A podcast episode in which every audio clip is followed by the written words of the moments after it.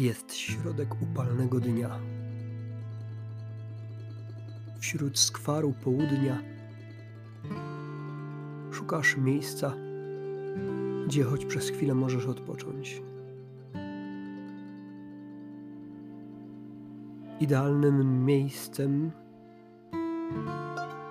zdaje się być koryto rzeki Jordan,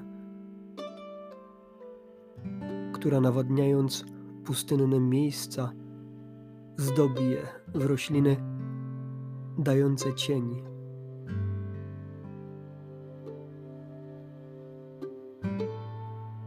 Udając się w tamtą stronę, zauważasz wielki tłum ludzi zgromadzonych wokół kogoś.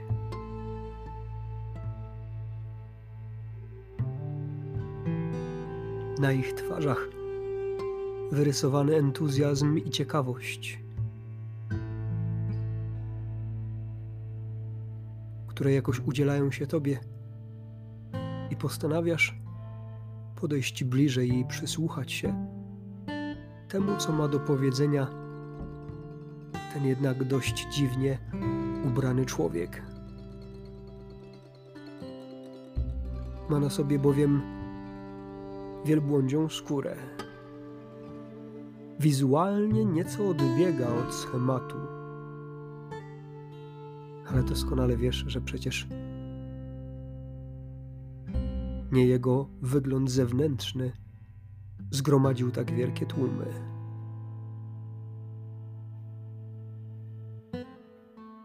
Po chwili udało ci się przecisnąć całkiem do przodu, aby go zobaczyć, ale przede wszystkim usłyszeć. Od zgromadzonych wokół ludzi usłyszałeś, że ma na imię Jan. Jego matka Elżbieta, a ojciec Zachariasz. I od razu doskonale zrozumiałeś, w jakim miejscu i w obecności kogo dzisiaj możesz stać i czyich słów słuchać.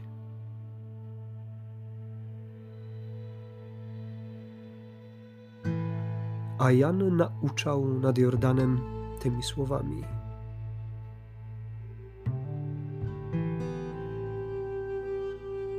Kto ma dwie suknie, niech się podzieli z tym, który nie ma, a kto ma żywność, niech tak samo czyni. Bo ludzie zadawali mu pytania, co mamy czynić. A przychodzili ludzie różni. Byli także celnicy, którzy chcieli przyjąć od niego chrzest. Ci też pytali, nauczycielu, co mamy czynić?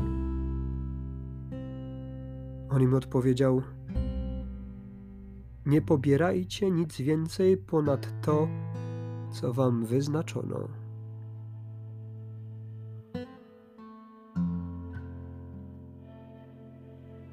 Byli wśród tłumu także żołnierze, i ci zadawali Janowi pytania. A my, co mamy czynić? Im zaś Jan odpowiedział: Na nikim pieniędzy nie wymuszajcie i nikogo nie uciskajcie, lecz poprzestawajcie na waszym żołdzie.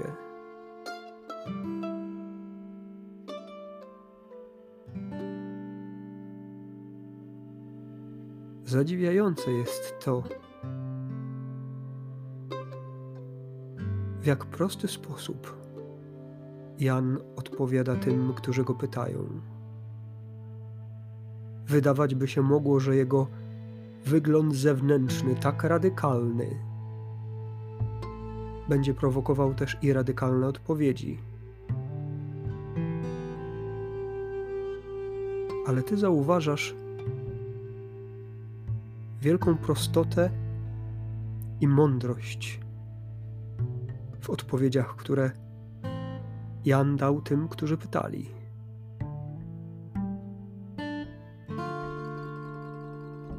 Takie są też Boże natchnienia.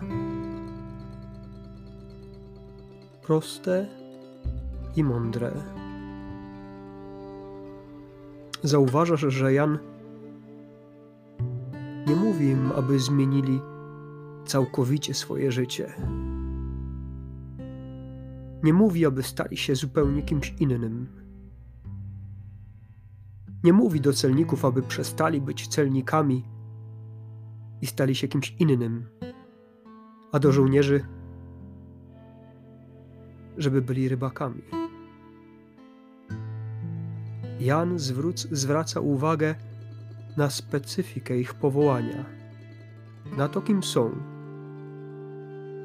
co jest ich obowiązkiem, i w tej rzeczywistości zachęca ich do tego, aby byli uczciwi. Tych pierwszych zachęca do tego, aby dzielić się tym, co mają z tymi, którzy nie mają. I nie mówi daj wszystko, żebyś ty nie miał, ale mówi jeżeli cię na to stacie, to się podziel.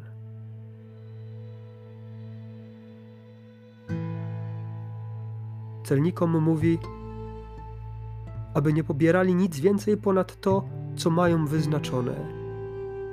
Dotyka ich uczciwości. Jeżeli jesteś celnikiem, masz być dobrym celnikiem, uczciwym. Masz rozeznać w sumieniu swoje działanie. Czy rzeczywiście jesteś dobrym celnikiem, który robi to, do czego został zobowiązany.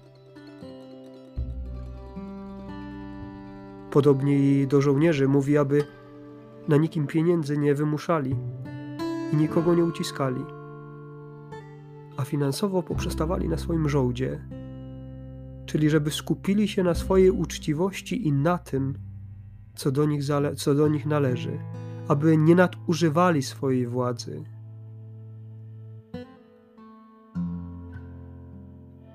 jakże proste rozwiązania. Nawrócenie, do którego wzywał Jan, to nie radykalna zmiana wszystkiego, co jest w Twoim życiu, nie odejście od tego, ale udoskonalenie tego, co jeszcze jest wadliwe. Możesz sobie dziś zadać pytanie o to, kim jesteś. Jaki jest Twój zawód? Czy dobrze go wykonujesz? Co powiedziałby Ci dzisiaj Jan, gdybyś go o niego zapytał? Czy znalazłby jakieś błędy, o których chciałby Ci powiedzieć?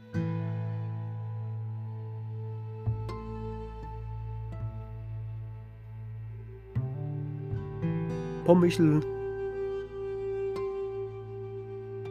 o tym, kim jesteś czy rzeczywiście w pełni starasz się realizować swoje powołanie. Czy też już teraz, w tym momencie, potrafisz dostrzec pewne nadużycia, pewne nieścisłości, pewne nieuczciwe zachowania w stosunku do drugiego człowieka, którego być może każdego dnia spotykasz. Może Jan chciałby Ci na to zwrócić uwagę. Bądź uczciwy. Nie nadużywaj swojego stanowiska. Nie zabieraj czegoś, co nie jest Twoje, bo jakbyś się czuł, gdyby ktoś zabrał Tobie coś Twojego. Traktuj drugiego człowieka tak, jak sam chciałbyś być traktowany. Mów o drugim tylko dobre słowa a zanim o kimś powiesz jakieś słowo, pomyśl, czy sam chciałbyś je słyszeć o sobie.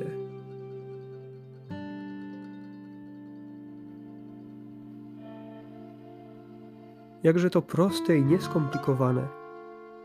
Tak często to ja komplikuję sobie swoje życie.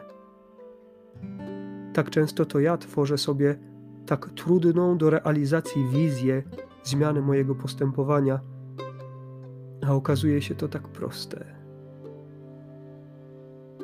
Jakim jestem mężem, jaką jestem żoną, jakim synem, córką, uczniem, studentem, pracownikiem, pracodawcą, księdzem, siostrą zakonną. Czy Jan znalazłby w tej przestrzeni coś, na co chciałbym dziś zwrócić uwagę?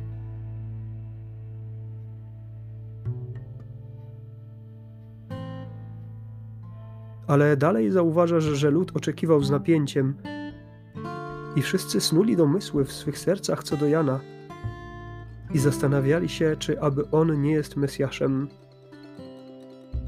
I wtedy słyszysz, jak stanowczo Jan odpowiedział: Ja was chrzczę wodą, lecz idzie mocniejszy ode mnie, któremu nie jestem godzien rozwiązać rzemykał sandałów.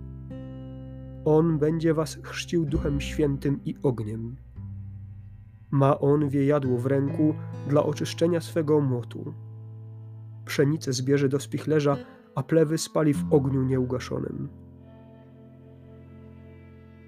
Wiele też innych napomnień dawał lud, dawał ludowi i głosił dobrą nowinę, bo sam przecież to słyszałeś.